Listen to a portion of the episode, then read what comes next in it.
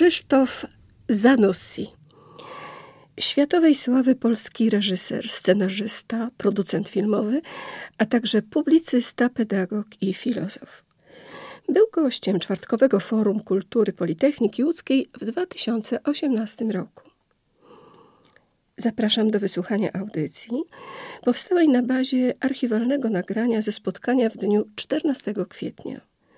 Tytuł spotkania W sztuce trzeba bronić prawdy.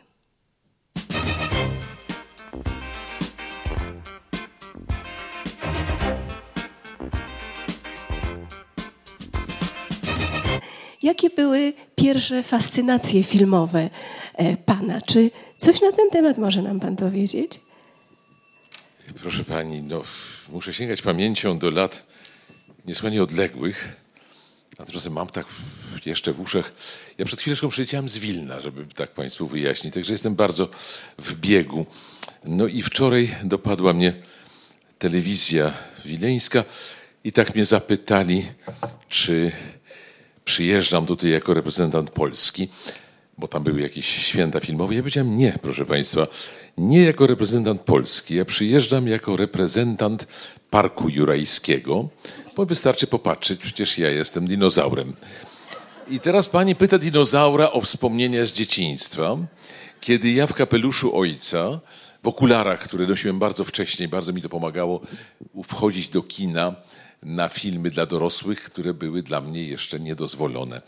No i pamiętam, że właśnie jednym z pierwszych takich filmów była Pustelnia Parmeńska Christiana Jacques'a e, z Marią Kezares e, i Gerardem Filip, Filipem.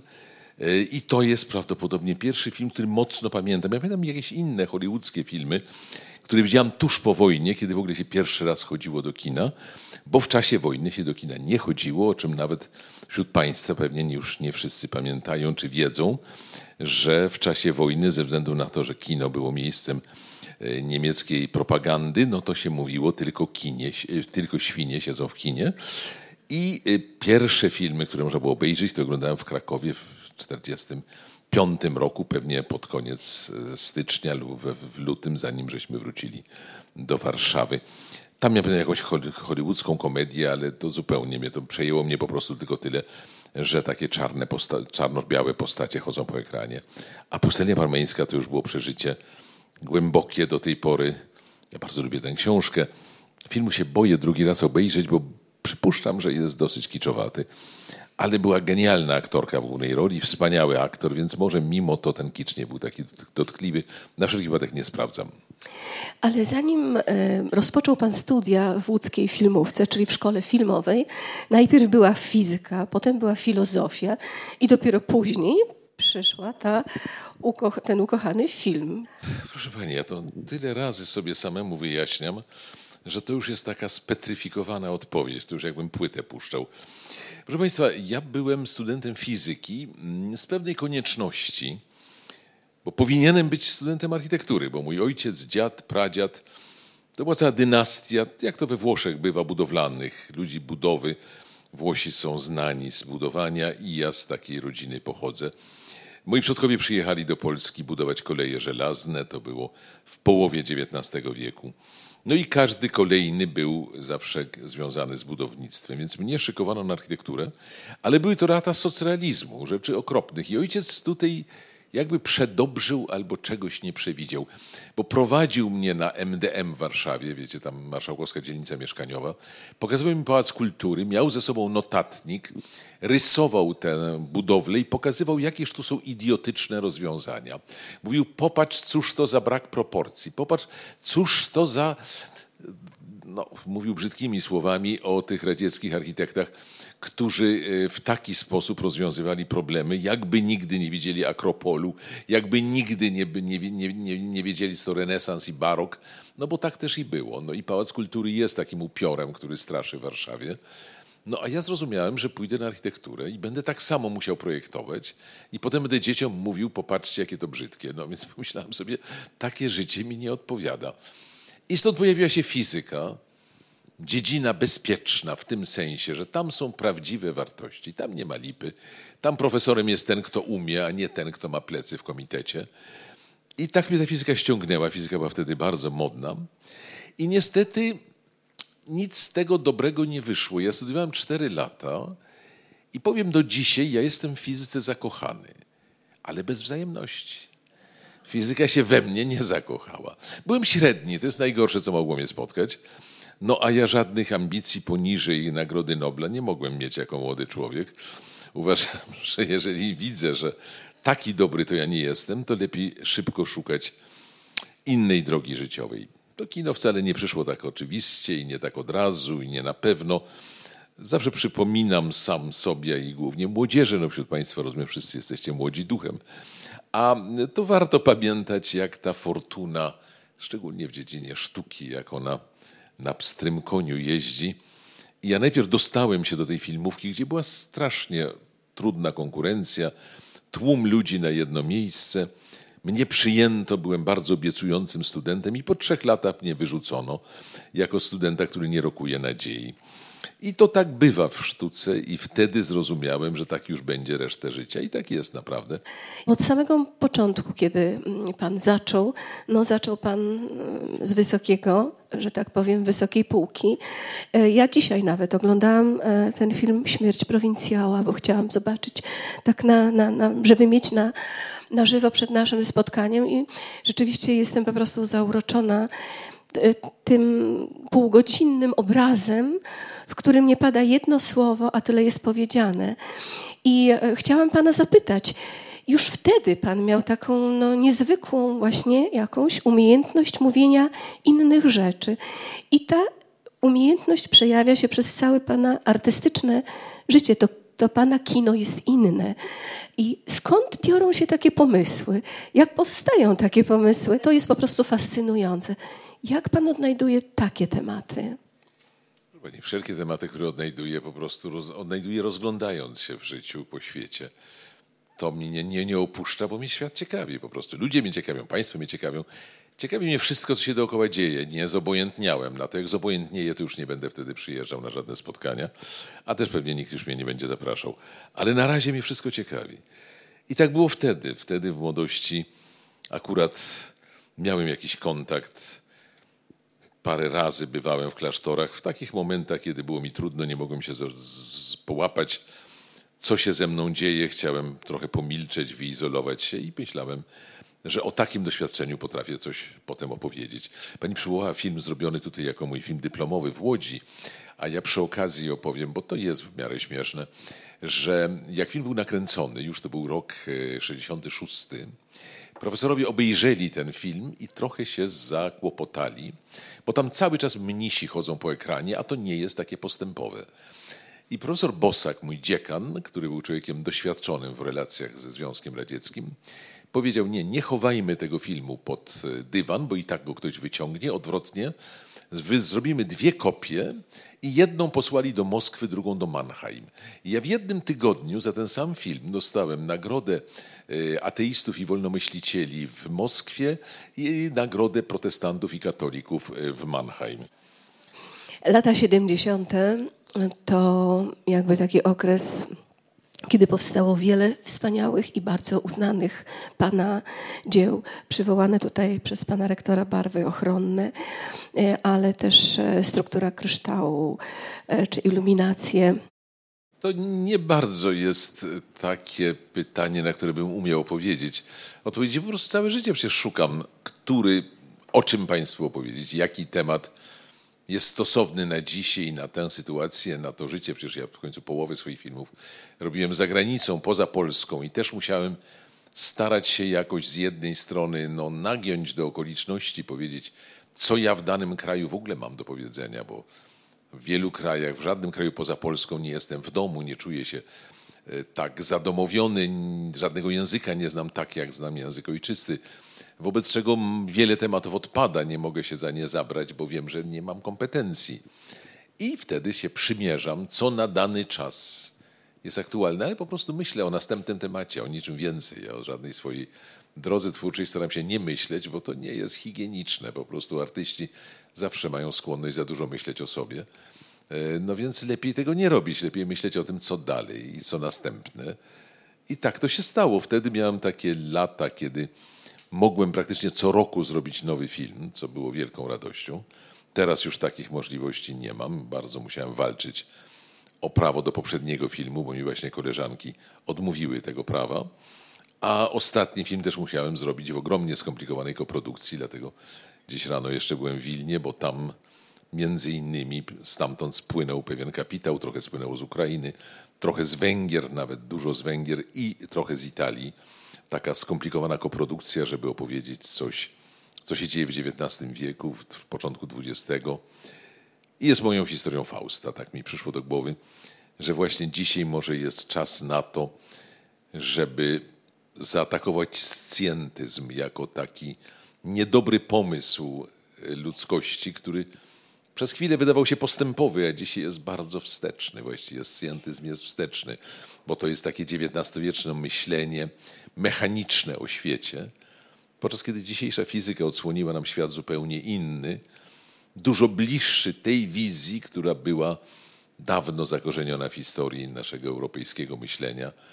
Wizji, w której jest tajemnica, w której jest niewiadoma, w której jest miejsce na to, co nazywaliśmy, właściwie nazywamy dalej nadprzyrodzonością, czyli na metafizykę. No więc tak to bywa, że w każdym momencie człowiek myśli, co by można było powiedzieć w danej chwili, co może jest, było, byłoby aktualne, co bym, co bym chciał ludziom przekazać. Wie pani, w ogóle robienie filmu, jak to się powiedział, właściwie jest trafnie na zlecenie, jest dla artysty taką sytuacją no, nie najbardziej komfortową. Z drugiej strony bardzo komfortowo jest mieć zlecenie, bo tak to ja muszę chodzić z moimi projektami i próbować je komuś wcisnąć, a tutaj ktoś do mnie przychodzi i mówi, niech pan użyczy swojego czasu i umiejętności, żeby dany film zrobić. Mnie spotkało cały szereg filmów, które w jakiś sposób przyszły do mnie i nie mogłem ich najczęściej odmówić, nawet jak miałem wątpliwości. I jeden z nich, pierwszy taki film zrobiony na zlecenie, ogromny, za wiele milionów dolarów, to był film o Janie Pawle II, koprodukcja włosko-brytyjska, naprawdę z amerykańskimi pieniędzmi. Produkcja, która w Polsce no, musiała naturalnie umknąć uwadze, bo to były. Kręciłem w czasach Solidarności, a potem oczywiście film nigdy nie wszedł w Polsce na ekrany, był tylko w telewizji pokazywany. I potem zapoczątkował całą serię filmów, które były o Janie Pawle II. Takich filmów, w którym aktorzy grali go i u mnie też grał go aktor. E, tyle mój, że był, mój był pierwszy i powstał w takich czasach, kiedy uważałem, że nie wypada, nie wolno mi odmówić, chociaż artystycznie. No to był taki film karkołomny, ale no była wtedy ogromna potrzeba, żeby ludzie coś usłyszeli o Polsce, żeby w tej Ameryce zorientowano się w ogóle coś, skąd ten nowy papież przyszedł, z jakiego kraju, tak się to film nazywał, z dalekiego kraju, from a far country. Bo to było takie zdziwienie powszechne. A cóż to za kraj, który wydał nowego papieża, skoro przez 400 lat papieżami byli tylko Włosi. I to był właśnie film na zlecenie. Później zdarzyło mi się zrobić film o Maksymilianie Kolbem. Też to nie był film, który wybrałem. Tyle, że przyszło takie zamówienie z Niemiec i wydawało się, że byłoby czymś nieprzyzwoitym, gdyby film o Kolbem robił nie Polak. Więc uznałem, że trzeba się nad tym pochylić i zrobić to. Później jeszcze zrobiłem z tych filmów takich właśnie, które same przyszły. Film według sztuki y, Wojtyły, Brat naszego Boga. Ja początkowo miałem być tylko producentem w tym filmie, producentem ze strony polskiej, ale wykruszył się reżyser. To było niewdzięczne zadanie, bo niedoskonale napisana sztuka, wymagająca takiej dość teatralnej inscenizacji ale jednak sztuka, która mówi o niebywałej głębi myśli tego człowieka, przecież napisana przez młodego Wikarego, a przerastająca w ogóle horyzont ówczesnego pisarstwa w Polsce. Myślę, że to jest przypadek godzien uwagi. Niestety nikt się na tym specjalnie nie pochylił. Jak to się stało, że w końcu lat 40. prowincjonalny wikary w Polsce pisze utwór, którym się zmaga z problemami, które przez resztę stulecia będą szarpały światem. A tu są obok znani pisarze katolicy, jak Osak Sztucka czy jak Zawiejski. I oni jakby tkwią bardziej w przeszłości, oni bardziej rozliczają wojnę. A Wojtyła mówi o wielkim problemie rewolucji, wprowadza postać Lenina, z którym polemizuje i to jakże inteligentnie. Wcale nie, to nie jest to taka trywialna polemika. I wreszcie widzi jakby problemy i gospodarcze, i polityczne, i oczywiście ten podstawowy problem metafizyczny, któremu potem dał wyraz, kiedy kanonizował swojego bohatera. To zresztą niesłychany wypadek, żeby autor mógł wynieść swojego bohatera na ołtarze, a to się właśnie zdarzyło. No i kiedy mówił o e, błogosławionym, e, czyli później świętym bracie Chmielowskim, to mówił, że to jest ten człowiek, który poczuł taki nerw nowoczesności, w której wszyscy jesteśmy odpowiedzialni za wszystko. Po prostu wszystko nas już dzisiaj dotyczy. Nie ma się gdzie schować, nie ma mysiej dziury. Wszyscy przez tę, sieć informacji odpowiadamy za wszystko, co się na świecie dzieje. Musimy mieć do tego jakiś stosunek. Nie możemy się zamknąć czy udać, że tego nie mam. Od wielu lat kieruje Pan studiem e, filmowym TOR, które nie tylko robi Pana filmy, ale przecież robicie Państwo filmy różnych reżyserów i wspieracie e, twórczość filmową, więc to jakby zupełnie jeszcze inna działalność. Jeszcze inne działania. Troszkę z konieczności, gdybym znalazł, jak miałem parę razy w życiu świetnych producentów, to bardzo chętnie oddawałem tę całą troskę w ich ręce. No a jak ktoś tego nie chce za mnie zrobić, to ja muszę to robić. I jestem już od 30 lat dyrektorem studia, który jest państwowym studiem, więc nie dostajemy żadnych subwencji państwowych. Jesteśmy na takich prawach jak wszystkie podmioty na rynku. Tyle, że nie mamy własności i ja sobie nie mogę wypłacić zysków z tego, co zarobię w torze, ale wkładam to w następne filmy. Robię to z konieczności. Nie jest to dziedzina mojego działania, którą bym szczególnie polubił.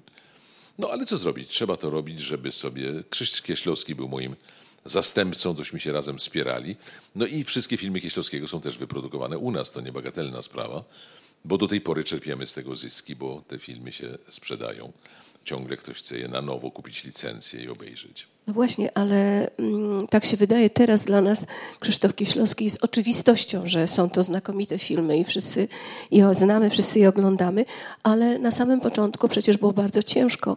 E, nikt go nie chciał zaakceptować, nie chciał tego kupić. Pan pisze w swoich wywiadach, że pan no tak, sam było tutaj prawda, pomagał. mnie to, że Krzyś był dość długo już zaszufladkowany, właśnie taką zrobiono mu Przyklejono mu taką etykietkę, że to jest twórca lokalny polski, że tego na świecie nikogo nie interesuje jego spojrzenie. To była wielka niesprawiedliwość i kłamstwo po prostu. On, ja byłem przekonany, że jego twórczość jest uniwersalna i starałem się go podtrzymać w tym. Nie było to w ogóle łatwe między nami, wiecie Państwo, możemy, można być przyjaciółmi, ale też zawsze jesteśmy jakimiś rywalami.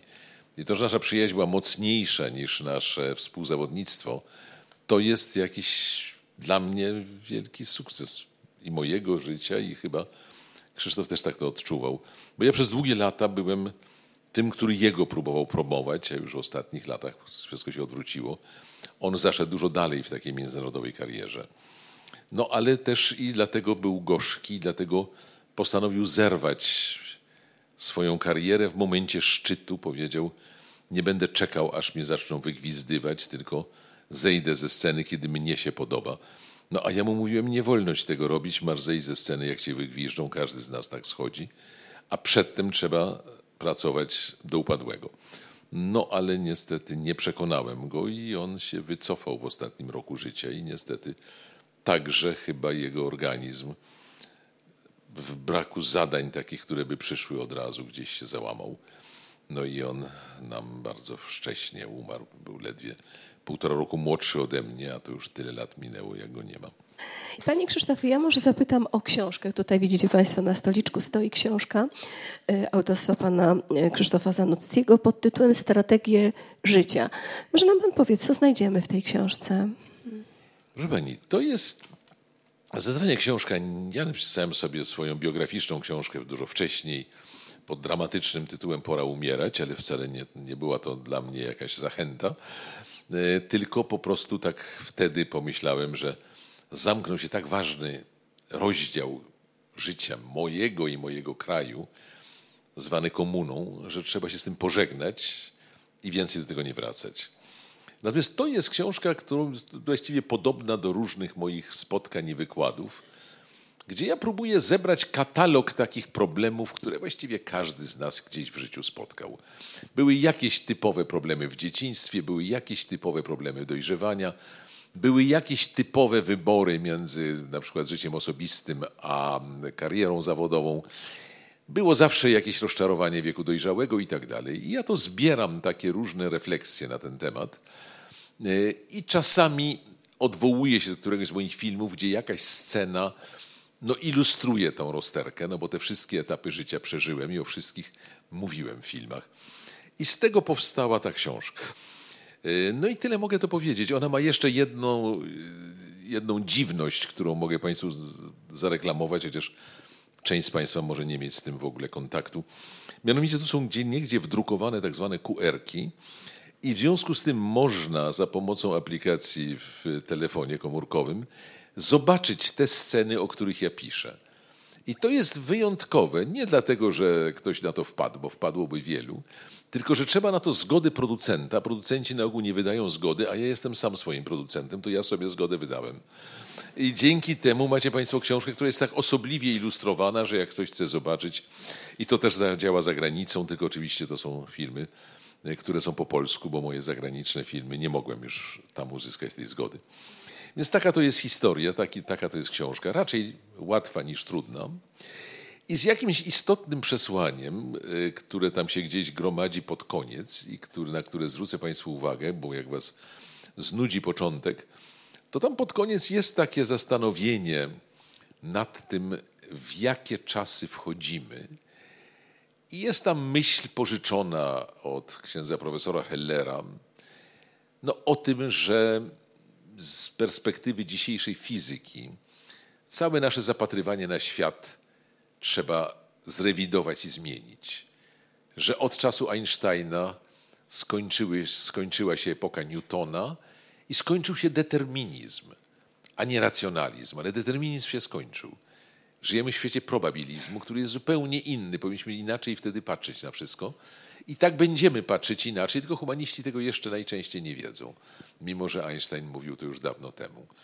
I tu, temu chwileczkę poświęciłem czasu, opisałem całą historię, jak to miało się znaleźć w encyklice Fides et Ratio i jak kardynał Ratzinger wyperswadował Wojtyle, żeby tego apelu w swojej encyklice nie zawarł, ponieważ istniała obawa, że jakaś armia takich niedokształconych e, New Age'owców rzuci się na teologię i będzie korzystając z źle nauczonej fizyki, budować taką teologię nie bardzo, nie bardzo ugruntowaną. Ja po napisaniu tego zostałem wezwany przez księdza profesora Hellera do Filharmonii w Rzeszowie, gdzie przy nabitej sali przez długą chwilę dyskutowaliśmy o tym i Heller jakby przedstawił taki swój zrąb widzenia teologii. I ja myślę, że to może się okazać, że to jest w tej książce najważniejsze, bo na razie jestem jednym z osamotnionych, którzy mówią takie rzeczy, których większość osób nie bardzo jest gotowa przyjąć. A ja mówię tak mówiąc najogólniej, że ci, co się mają za postępowych na ogół są już bardzo wsteczni, tylko jeszcze o tym nie wiedzą. A i odwrotnie, czasami ci, których wyśmiewano, wcale okazuje się nie są tacy prościutcy i głupi, i że czasami ta babinka pod krzyżem, która się modli, więc robi coś nieracjonalnego z punktu widzenia oświeceniowca, może ona jest bardziej zaawansowana w relacji z rzeczywistością niż ten, którego szkiełko i oko wszystko wytłumaczyło właśnie w sposób mechanistyczny, czyli taki sposób, jak, jaki dyktuje determinizm, że rzecz jest taka, bo taka być musi. Wszystkie rozważania o wolności, które my mamy dzisiaj, które są tak sprzeczne, tak paradoksalnie sprzeczne, że pod hasłem wolności mówi się, że człowiek nic nie może, że jest produktem okoliczności, że jest produktem biologii. To przecież wszystko jest sprzeczne ze sobą. I to pęka w tej chwili. Nasz kryzys w Europie też na tym polega, że w naszej cywilizacji stare myślenie spotyka się z jakąś, no, z jakąś skałą. No, widać, że tak dalej nie można. I stąd ta ucieczka w te jakieś zwariowane, przelotne ideologie, jakieś ucieczki w przeszłość, prawda? Tu feminizm, tu nacjonalizm, tu ekologia, tu, prawda, prawa mniejszości. Wszystko wartości pozorne, ponieważ nikt nie chce zapytać śmielej, że tu chodzi o większą rewolucję w myśleniu, o większe poprzestawianie porządku. No i jak gdzieś tam o tym troszeczkę wspominam w tej książce, więc jak się okaże, że miałem rację, to proszę mi to przyznać po latach, mnie już nie będzie, ale a nuż coś takiego się trafi. Czy studiowanie fizyki w jakiś sposób Pana ukształtowało, jeśli chodzi o sztukę? Czyli sposób narracji, myślenia, bo mnie się wydaje, że Pana filmy są, mają pewien dystans do, do ludzi, do świata, do problemów. Jest jakiś taki chłodny dystans, ale jest to moje wrażenie, więc chciałbym...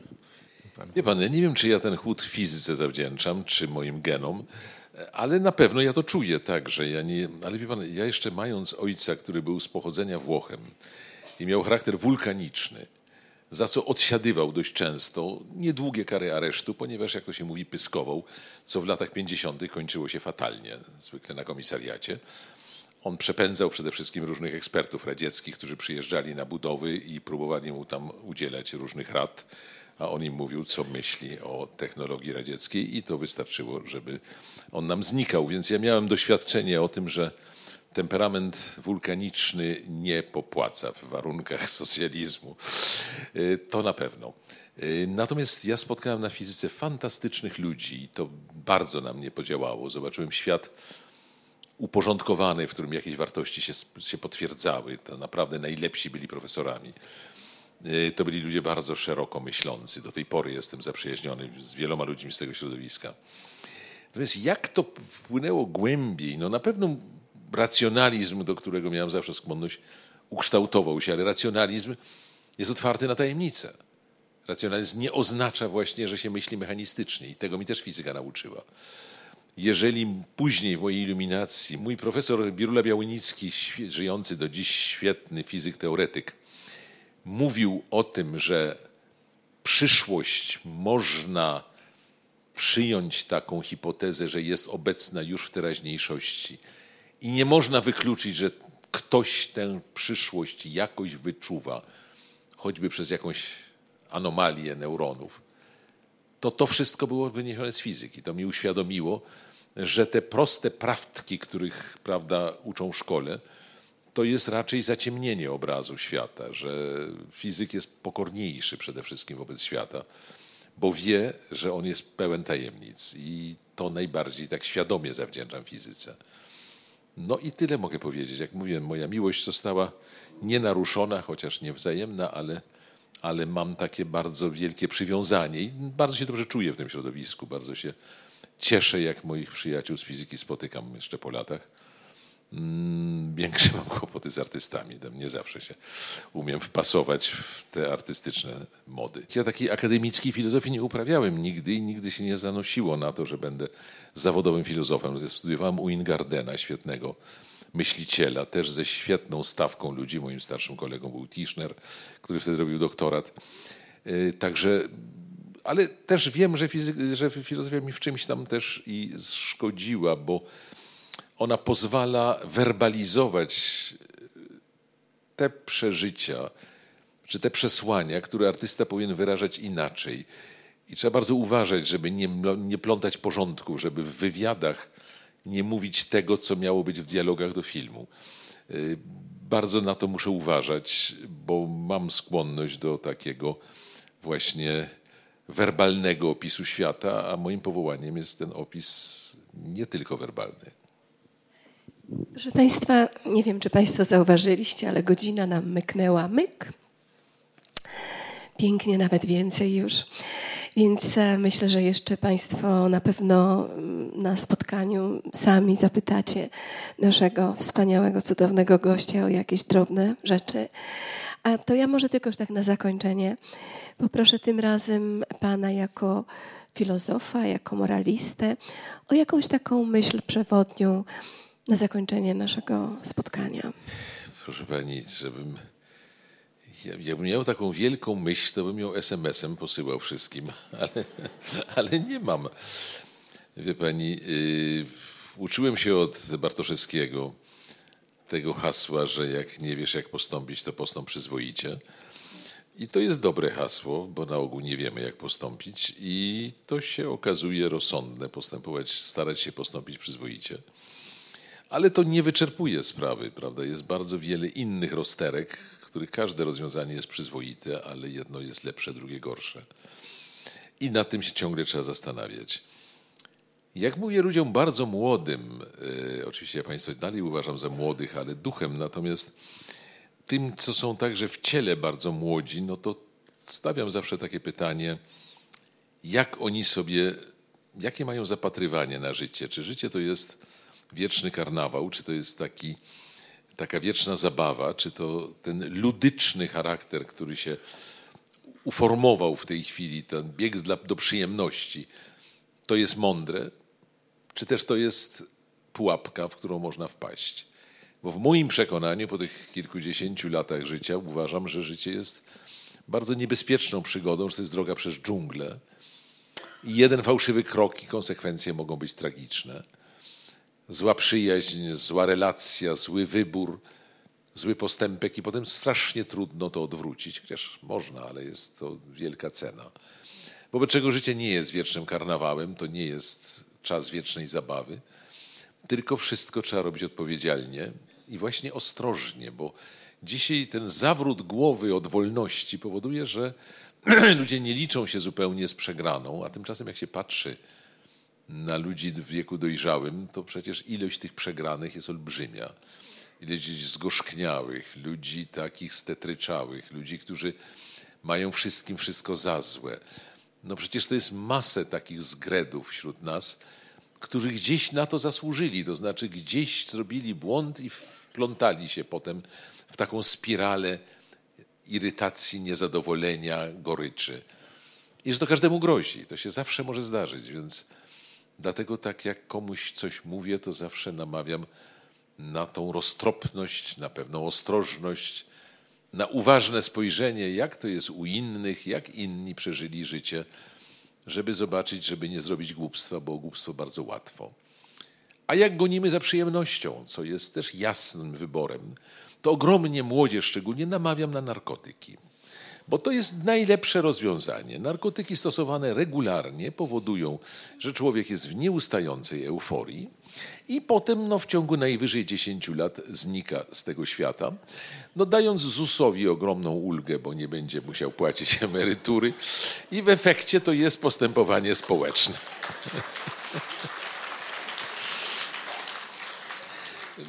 Państwo oczywiście razem ze mną się śmieją się z tego głupstwa, ale no czasami trzeba postawić sprawę na głowie, żebyś sobie uświadomić, że to jest bzdura i że powtórzę Państwu na końcu, to nie jest niestety bon mot, tego się nie da napisać SMS-em, ale to taka była przypadkowa wymiana słów z moim kolegą, przyjacielem, ale przede wszystkim geniuszem kina Andrzejem Tarkowskim. Ja byłem proszony, żeby być moderatorem. O tym chyba teraz w książce napisałem, bo to jest jedna z moich takich dyżurnych, ale ulubionych opowieści. Proszono mnie w Stanach Zjednoczonych, w Colorado, więc tak głęboko w Stanach, tam jest festiwal, świetny zresztą, żebym był moderatorem spotkania Andrzeja Tarkowskiego z publicznością, ponieważ Tarkowski nie dość, że nie znał angielskiego, miał tłumacza, ale był bardzo trudny, nie kontaktował z tą Ameryką zupełnie, Ameryka z nim też nie kontaktowała.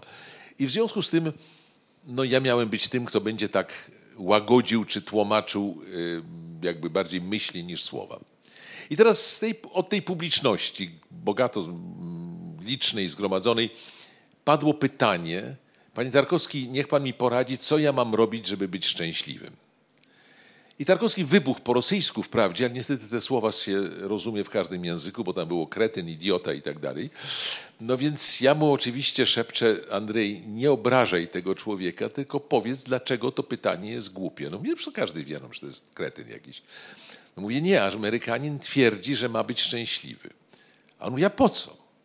Po co sobie tę głowę zawracać? I dalej powiedział coś, co się bardzo ciężko tłumaczy na angielski i oczywiście zainteresowany na pewno nic nie zrozumiał. A teraz rozumiem, że to jest oczywiste. Zostaliśmy powołani, wyrwani z niebytu. Świat mógł być bez nas, jest z nami. Czyli coś się stało takiego, że jesteśmy. Jesteśmy po coś. Trzeba odgadnąć po co i spełniać to powołanie. A czy będzie nam miło, raz będzie szczęśliwie, raz będzie nieszczęśliwie, to jest w gruncie rzeczy bez znaczenia. Trzeba tylko wiedzieć, po co się jest na tej ziemi i iść w tą stronę, która jest wyznaczona. No bardzo to mistycznie brzmi, bardzo pięknie, bardzo mało praktycznie, ale to jest bardzo mądra myśl tak naprawdę. Nie zawracaj sobie głowy tym, żeby było miło. To nie chodzi o to, żeby było przyjemnie, tylko żeby było do sensu, żeby to nasze życie do czegoś było potrzebne. I wtedy, proszę Państwa, jak nas zabraknie, to będzie jakaś mała dziurka w świecie i to będzie dowód, że byliśmy do czegoś potrzebni, bo jak nas nie ma i ktoś to zauważył, ktoś odczuł nasz brak, to to już jest postęp.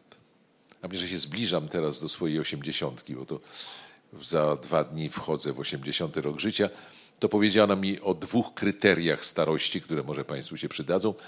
Jedno bardzo banalne to jest takie, że jeżeli wychodząc z muzeum powoduje, że te bramki dźwięczą, to znaczy, że jestem obiektem muzealnym. A drugie, bardziej praktyczne, to jeżeli koszt świec na urodzinowym torcie przekracza koszt tortu, to znaczy, że jesteśmy dosyć starzy.